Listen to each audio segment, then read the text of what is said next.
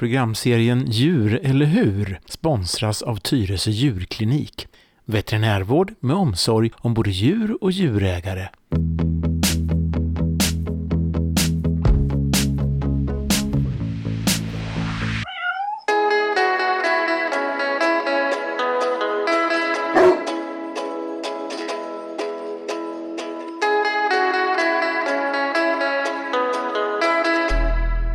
Välkommen till det åttonde programmet i serien Djur eller hur?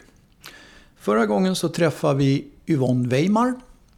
Denna gång i egenskap av hönsmamma, hönsinnehavare. Eh, nu ska vi återgå till ordningen och ta ett tag i det här med hundar igen. Eh, för ungefär tre år sedan så träffade jag Helene Alm och gjorde ett program med henne.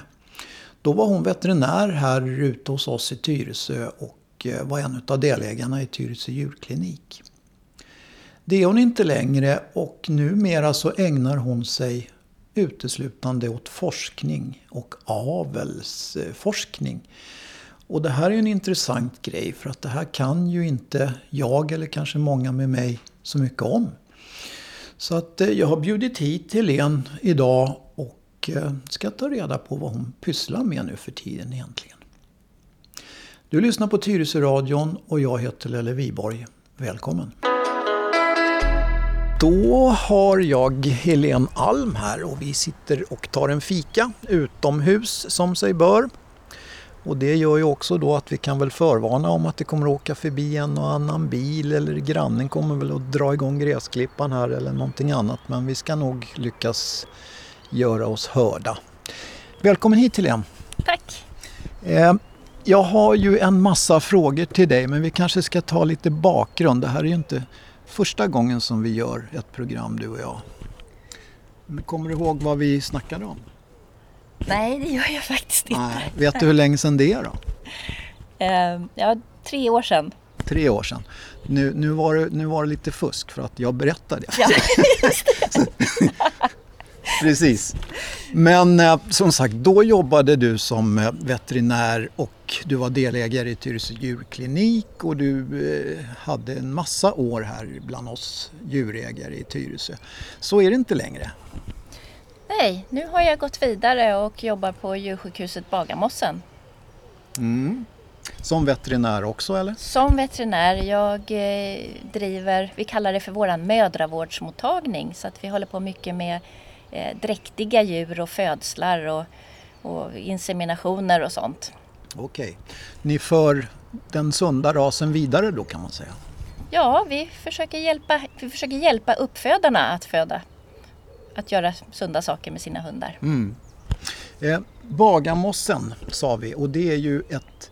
Du berättade här för mig att ni är faktiskt 180 stycken som jobbar där. Ja, det stämmer. Ja. Det är vi. Eh, och eh, vi är ju eh, Stockholms enda dygnet runt öppna djursjukhus. Mm. Och då betyder ju det naturligtvis att ni har ett jättestort upptagningsområde. Ja, det stämmer. Det, vi, det kommer folk ifrån, ja ibland är det ända ner från Linköping och sådana ställen. Så att, mm. det, mm. Och även uppåt. Kan du berätta lite grann om historien bakom Bagarmossen? Det är ju eh, en ganska intressant historia egentligen. Det här med ägare och allt hur det nu har förändrats under åren. Ska vi börja med när de smällde upp det? Ja, det var ju då 1973. Och eh, då var det så att eh, Veterinärhögskolan låg först i Stockholm. Den låg vid det som heter Albano i närheten av Roslagstull. Mm. Och, eh, sen togs det då politiskt beslut att eh, Veterinärhögskolan skulle flytta till Uppsala.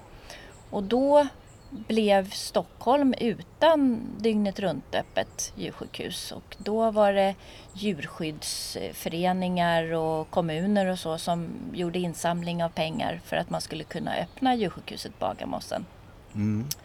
Och det drevs ifrån början av väldigt få personer. Det var fyra stycken veterinärer. Och, så det måste ju ha varit ett hästjobb att täcka hela dygnet då. Men ja. eh, så småningom så har det ju blivit fler och nu är vi ju som sagt uppe i 180 och, och har lite svårt att få plats i våra lokaler som det är nu och så. Men eh, det Mm. rullar på. Ja, det är klart.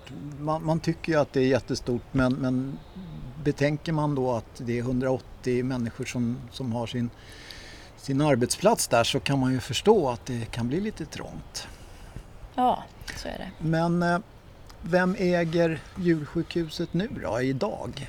Ja, ifrån början så ägdes det av en stiftelse med, Mm. med djurskyddsföreningar och så. Men med tiden så när det här växte så var det inte så bra att driva det i den formen. Så att idag så är det ett företag som heter Mars i USA som äger djursjukhuset tillsammans med en massa andra kliniker då inom den här koncernen som heter Annikura. Mm. Och Mars, är det de som gör godiset? Ja, det stämmer. Okej. Så det händer att vi får en liten sändning med godis när vi, de tycker att vi behöver det. ja, Det är inte så en, dumt. en sändning från Mars. Just. Ja, det kan jag förstå. Du, men när du kommer nu åkande med din lilla bil till, till eh, djursjukhuset på morgonen. Vad är det du gör liksom i, i daglig, till, ja, dagligdags? Hur ser dagen ut för Helena Alm?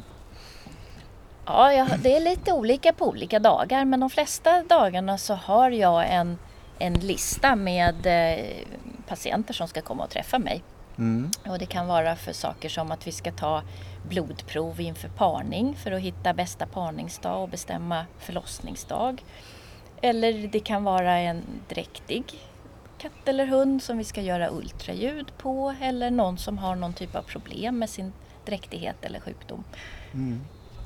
Så, och vi tittar ju också då på eh, djur som har eh, sjukdomar i reproduktionsorganen så att vi håller också på med juvertumörer och livmoderinflammationer och, och så. Mm. Och även eh, spermaprov tar vi. Ja. Ja, du berättar för mig en ganska intressant sak tycker jag om det här med vad djurskyddslagen säger i Sverige. Och det, den skiljer sig ganska mycket från i andra länder. Ja, på det sättet har vi en väldigt bra djurskyddslag tycker jag. Därför att den eh, förbjuder avel med djur som inte kan reproducera sig själva naturligt. Och det betyder att vi, vi får inte eh, hjälpa till Eh, om det är så att, att vi för dåliga gener vidare. Sen säger också djurskyddslagen att man inte får göra mer än två kejsarsnitt eh, på ett djur. Och man får inte heller eh, göra ett planerat kejsarsnitt om det är bara därför att man tror att, att djuret inte kan föda själv. Utan ska man planera ett kejsarsnitt så får man göra det av andra orsaker. Mm. Det är ju egentligen en ganska vettig grej. Det är jättebra och det betyder ju på sikt att vi håller våra hundar bättre än i en del andra länder. Sen pratar vi lite grann om det här med olika färger och raser och blandningar och grejer. Och då hade jag en fråga där och det var ju det att när man, om man tittar på fågelvärlden till exempel så, så påstås det ju att man ska alltid försöka komma så nära originalfärgen som möjligt. Alltså köper man en, skaffar man sig en undulat så ska den vara grön för att det är de i det vilda och då har de bättre motståndskraft. Är det likadant i hund och kattvärlden? Ja, på sätt och vis så är det ju det. Jag tycker att om man ska välja en ras så är det alltid klokt att tänka hur mycket den avviker ifrån grundformen som ju är vargen. Mm. Därför att alla ändringar ifrån vargen kan man tänka sig att det ändå kostar någonting för hunden. Sen om det spelar någon roll eller inte, det är ju olika. För att eh, en konstig färg på en hund skulle ju göra att den kanske har svårare att jaga i skogen och det har ju inte någon betydelse för oss idag. Men sådana saker som väldigt, väldigt små hundar, de har sina speciella problem och väldigt, väldigt stora hundar, de får andra problem och väldigt korta ben kan medföra problem och väldigt korta nosar. Så att man, man eh, gör klokt i att tänka vad man tror att det innebär för hunden. Man kan titta på pälsar också. Det är ju många hundar som har, och katter som har väldigt, väldigt mycket päls. Och då måste man ju som ägare vara beredd att sköta om den här pälsen för man kan inte förvänta sig att den ska fungera så som ursprungspälsen gör utan då, får man, då måste man sköta den. Mm. Där hade du ju ett väldigt bra exempel med din egen hund. Ja, jag har en Welsh Corgi Pembroke och i den rasen så förekommer det att eh, man får hundar med lång päls. De vanliga hundarna har ganska kort päls men det förekommer lång päls. Och de kallas för fluffar och de är jättesöta såklart. Mm. Men den pälsen funkar faktiskt sämre än vad, den, vad originalpälsen gör. Hundarna kan bli väldigt varma på sommaren så man måste raka ner pälsen för att de ska stå ut. Och, och den håller inte emot vätan på samma sätt som, som originalpälsen gör. Så att, eh, Nej, det är klart, det, det där är ju någonting som man måste, bör ta hänsyn till men som man inte kanske tänker på om man inte är insatt i problem. Man tycker ju, tycker ju saker och ting. Och, ja, och det är lätt att falla för söta saker. ja. Ja. Nu, nu har ju våran kronprinsessa Victoria, hon har ju retat, retat upp folk till, till vansinne nu genom att skaffa sig en blandrashund, gubevars. Har du noterat det? Ja, jag har sett det. ja, man kan ju bli lite fascinerad över hur mycket en del orkar reta sig Ja. på vad andra gör. Men eh, för min del så lägger jag inga synpunkter på vad människor väljer att ha för hundar så länge som man håller sig inom djurskyddslagen. Att det här är friska, sunda hundar som har ett bra liv och mår bra. Men när jag köper en hund, då vill jag ha en en renrasig hund därför att det är ju en varudeklaration. Jag vet vad det är för valp jag får och jag kan känna mig ganska säker på att den kommer att trivas hos mig och att jag kan uppfylla de behoven som den hunden har. Och sen är det också så, inte minst viktigt faktiskt, med de renrasiga hundarna att det är ju ett arv som vi har från våra förfäder. En del av de här raserna har man fött upp i tusentals år för att de ska göra en uppgift. Och om vi då blandar ihop alla de generna så inte det finns kvar längre, då tycker jag vi har förlorat något. Mm. Då har, vi, då har vi rört till begreppen så att det kanske inte funkar bra i någon ände till slut. Nej, och man ser ju ibland skräckexempel på folk som har korsat hundar som, där egenskaperna inte alls passar ihop. Nej. Ehm, en extrem jakthund till exempel ska ju få vara en jakthund. Om man korsar den och man får väldigt mycket jaktinstinkt på fel sorts hund så blir det inte så bra. Nej. Du, en annan sak det var det här med, var någon som frågade mig, IVF alltså som, som människornas eh, hjälpmedel för att kunna, det är ju inte alla som har förmågan att eh, få barn tyvärr men önskar sig gärna och då finns det ju en massa olika grejer. Finns det samma hjälp för hundar och katter i Sverige? Nej, det gör det inte därför att eh, djurskyddslagen säger ju att, att man, de får inte gå i avel om de inte kan reproducera Ah, sig själva.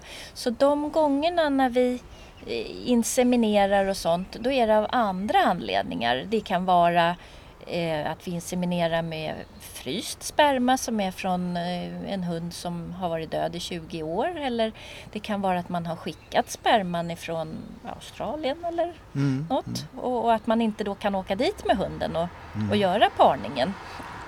Sen är det också så att det finns gånger när man när vi människor vill att eh, två hundar ska, ska para sig med varann och hundarna vill inte det. Eh, och det kan, där kan man tycka att de faktiskt kan ha rätt att bestämma det. Det kan till exempel vara en lite äldre tik och så har man en ung hanhund som man tycker ska passa till henne och då tycker hon att den slyngen vill jag inte ha med att göra. och då Nej. kan man ju göra en insemination för det handlar inte om att det är något fel på hundarna utan det är bara själva situationen som är fel. Ja, intressant. Eh, en annan sak, och det är ju det här med, med ditt jobb och alla forskningar och resultat och, och grejer.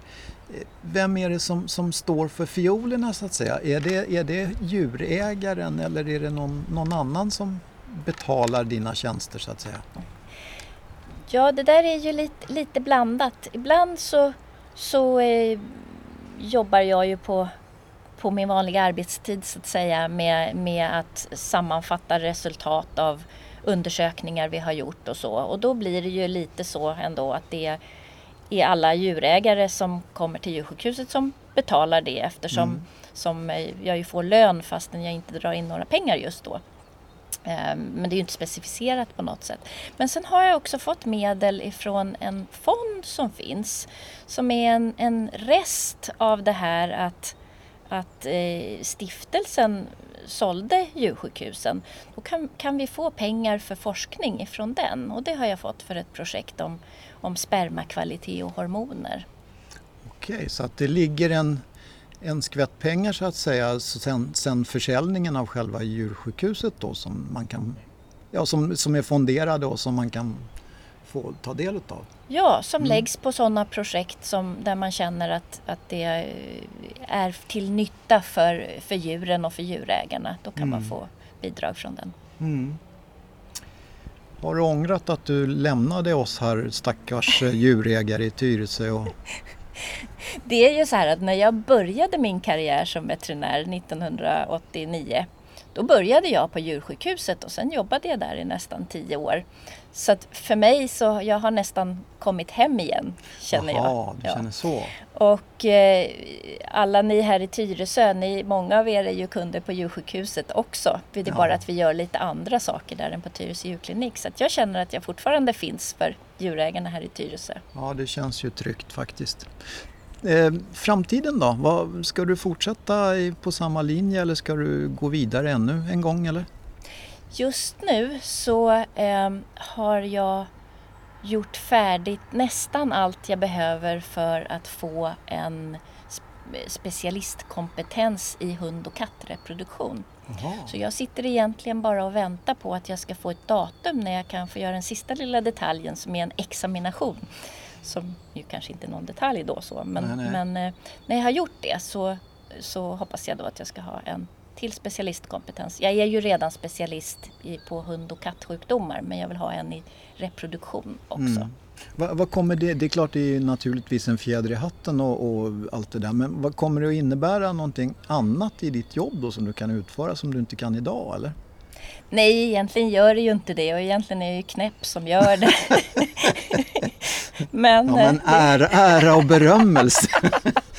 Lite så. Ja, jo, jo. Ja. ja, men det är väl, man vill väl alltid framåt så det är väl inte så konstigt. Nej. Jaha Helene, har vi, har vi glömt något tycker du? Är det någonting vi borde ta upp? Jag hade en liten lista här men... Ja, vi är... har ju faktiskt mest pratat om hundar och inte om katter när Nej. det gäller reproduktion. Just det. Och, och katter är ju, om man pratar kattreproduktion så för det mesta så handlar det ju om att förhindra kattreproduktion. Ja. Det är det som är det stora problemet. Men ja. det finns ju även en kattavel. Mm. Och katter är lite speciella på så vis att, att eh, det inte är så lätt att inseminera dem som det är med hundar. Därför att de behöver ha själva parningen för att de ska få ägglossning. Så, att, ja, så där eh, är det faktiskt så att det är så pass få inseminationer på katt så det lämnar vi åt Veterinärhögskolan. De får göra dem. Men eh, det är mycket man kan hjälpa till med i form av eh, ultraljud och försöka bestämma förlossningsdatum och sånt. För att det, det händer ju att det är problem ändå. Mm. Det är ju viktigt det här, har jag förstått, med, med ett exakt datum. Både för hundar och katter. Ja, det är ju det. Därför att eh, både kattungar och hundvalpar är känsliga små varelser och eh, kommer de ut ur mammas mage två dagar för tidigt eller två dagar för sent så betyder det stora problem. Eh, ja, är det för sent så, så, brukar de klara sig om de bara kommer ur magen men, men det är en stor risk att de dör i magen om de inte kommer ut i tid.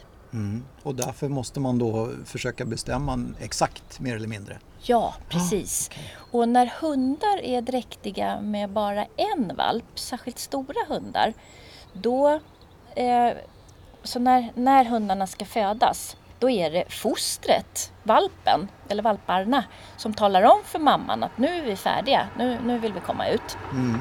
Är det bara en valp så är det rätt så vanligt att den valpen den signalen ifrån den valpen blir för svag. Så att förlossningen sätter inte igång. Och då, om det går mer än två dagar, då dör ofta valpen i magen och så får tiken föda fram en död valp. Så i de lägena, då är det helt eh, oumbärligt att ha det här förlossningsdatumet. För då har hon gått en dag över tiden, då går vi in och snittar ut valpen och så mm. klarar man mm. livet på den. Ja, just det. Och det där gällde både för katter och hundar? Nej, det är hundar. Det är hundar. Och framförallt stora hundar. Mm. Man tänker chihuahuor och sådana, de kan ha en valp och det är helt naturligt för det får Ja. inte plats mer än en. Nej, Men, det. men stora hundar. Men, men hur är det i kattvärlden då? Eh, Ja, katter är lite, lite lättsammare. Och med katter så, om man nu är inne på djurskyddslagen och sådär, Mm. så är det ju så att, inte hos oss, men på Veterinärhögskolan så har de en del forskning på kattreproduktion. Därför att det finns ju många utrotningshotade kattdjur i världen. Mm. Och då är det bra att kunna göra eh, sådana här konstgjorda befruktningar och så för att kunna hålla kvar de arterna. Mm. Mm. Är, det vanligt att när man är veterinär att man specialiserar sig på hundar eller katter eller någonting annat? Eller är det liksom samma, samma block? Ja, veterinärutbildningen är ju väldigt bred. Mycket bredare än vad, vad de flesta människor vet om tror jag. Mm. För att vi, vi läser ju både livsmedelshygien och, och massor med olika djurslag. Det är allt ifrån grisar till hamstrar eh, som vi ska lära oss om. Ja, och även fåglar och sköldpaddor och det är väldigt olika. Mm. Eh, Och det har ju börjat bli så nu att, att man faktiskt kan göra väldigt mycket och det finns väldigt mycket kunskap. Men det är för mycket för att en människa ska kunna hålla hela fältet i huvudet. Det går inte. Utan vill man bli duktig, och det vill ju de flesta, så måste man begränsa sig. Man kan inte vara duktig på allt. Det är helt omöjligt. Nej. Så eh, man kan ju vara en veterinär som jobbar på labb med att odla bakterier eller man kan vara en som jobbar på slakteri och tittar på kött eller man kan vara veterinär som bara sysslar med sällskapsdjur eller bara hästar eller bara kor och grisar. Men det är även så, just det är väl speciellt då för hundar och katter att där, även där så kan man inte kunna allting om hundar och katter utan man behöver, man kan vara kirurg men det får bli fortfarande ett jättestort område. Mm. Eller internmedicin eller då reproduktion som, som jag sysslar med eller någonting annat. Sen så snuddade du vid ett ämne där och det var det, det här med, med det här eländiga coronan som vi nu är mitt inne i. Ja. Då, du skrev vid något tillfälle att faktum är att de borde lära sig lite mer, eller de kan lära sig lite mer utav eh, veterinärerna, det här med smittskydd och hur man liksom behandlar olika saker. Du stack ut hakan lite där.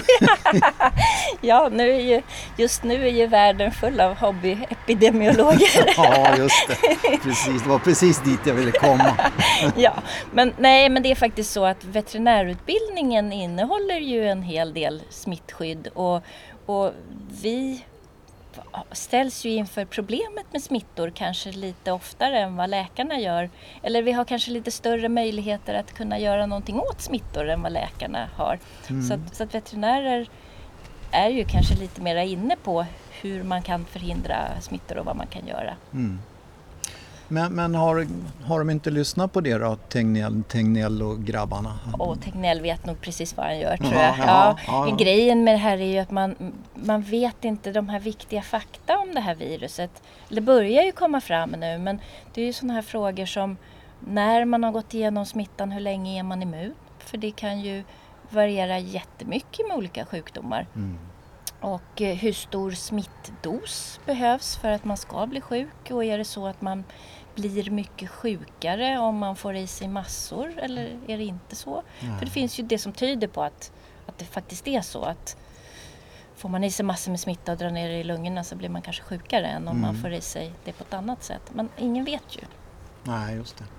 Då kom vi in på den där eländes-coronan igen då. Men, men det, det går nästan inte att undvika idag. Det, det är ju faktiskt så. Och den har ju påverkat, just nu så påverkar den ju vårt jobb på djursjukhuset rätt så mycket. Mm. Därför att vi har, eh, vi har haft upp till ja, mer än 30 personer som har varit sjukskrivna på samma dag och så. Och då ställer det ju till det såklart för oss att kunna sköta vår verksamhet. Så just nu så har vi dragit ner så jag får ju tyvärr inte hålla på så mycket med det som jag gillar just för stunden. För att nu måste vi se till att, att vi upprätthåller akutverksamheten dygnet runt för, för de som är akut sjuka. Mm. Så den, den finns överallt den där coronan. Ja, den gör det. Men folk, folk är inte oroliga när de kommer till er? Liksom att, jag menar, djuret, är, är, är det viktigare liksom att man får hjälp med sitt djur än att man blir smittad utav er eller någon annan i väntrummet eller något? Ja, nu, vi eh, försöker att ha så lite folk i väntrummet som möjligt. Mm. Att man får gå in och sätta sig på rummet direkt när man kommer eller också får man vänta i bilen och så.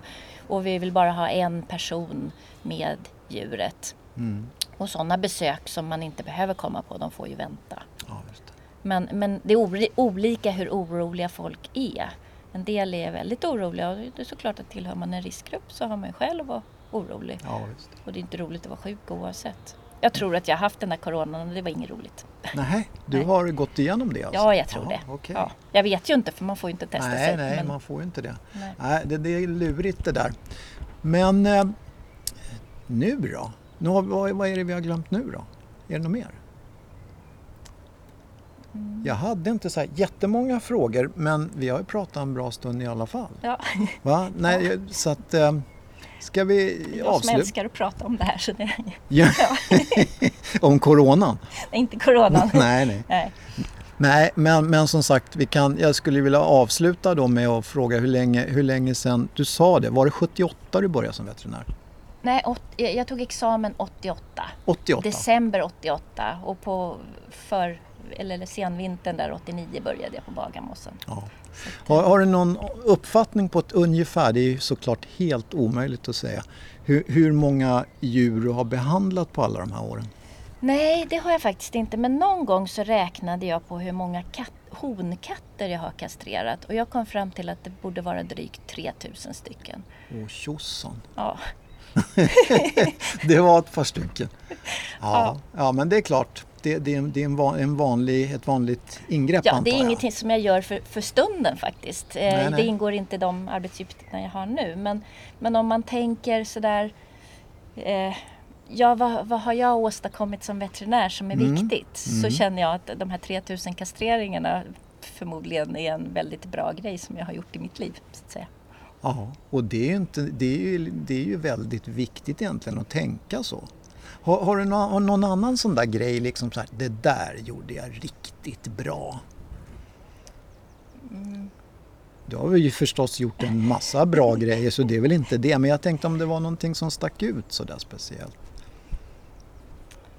Nu då, Ehm, fick du en ja. fråga som du inte hade räknat Nej, med? precis. som krä, kräver lite eftertanke. Ja, du ser. Ehm. nej, ja, det skulle väl vara... Det är en sån här liten detalj. Men, ja, men, det, eh, de är också viktiga. Ja, det var en ärftlig sjukdom på irländsk setter. Jag, Jaha. jag har haft irländsk setter, jag tycker hemskt mycket om de hundarna. Och då hade jag läst om en ärftlig sjukdom och då i första vändan när jag jobbade på Bagis så kom det in en valp med det. Och då tog jag mig tiden att se till så att den valpen kom till en forskare på veterinärhögskolan som, som jobbade just med den typen av problem. Och det ledde till att det nu finns ett gentest så att det finns inga sättrar som behöver ha den sjukdomen mer. Ja, det, Det var, gjorde jag bra. det gjorde du verkligen bra. Det, det är nog alla irländska setterägare väldigt tacksamma över skulle jag inbilla mig. Ja. Jag var ju bara en kugge i kedjan men ändå. Hade jag Ändå. inte gjort det där så hade Nej. det ja, tagit längre tid i alla fall. Nej, det blir ingen kedja om inte alla kuggarna är med på något vis. Nej. Men tack så hemskt mycket Helene för att du ville ta dig tid att komma hit. Ja, tack för att jag fick komma. Ja, och jag hoppas att du eh, forskar fram en massa fina grejer nu då i hundvärlden. Jag ska försöka. Ja, det är bra. Ja, då var det slut på program nummer åtta. Där vi har träffat veterinären och forskaren Helene Alm. Som eh, från att ha varit veterinär här i Tyresö numera jobbar med forskning på Bagarmossens djursjukhus. Jag heter Lelle Viborg och du lyssnar på Tyresöradion. Programserien Djur eller hur sponsras av Tyresö djurklinik. Veterinärvård med omsorg om både djur och djurägare.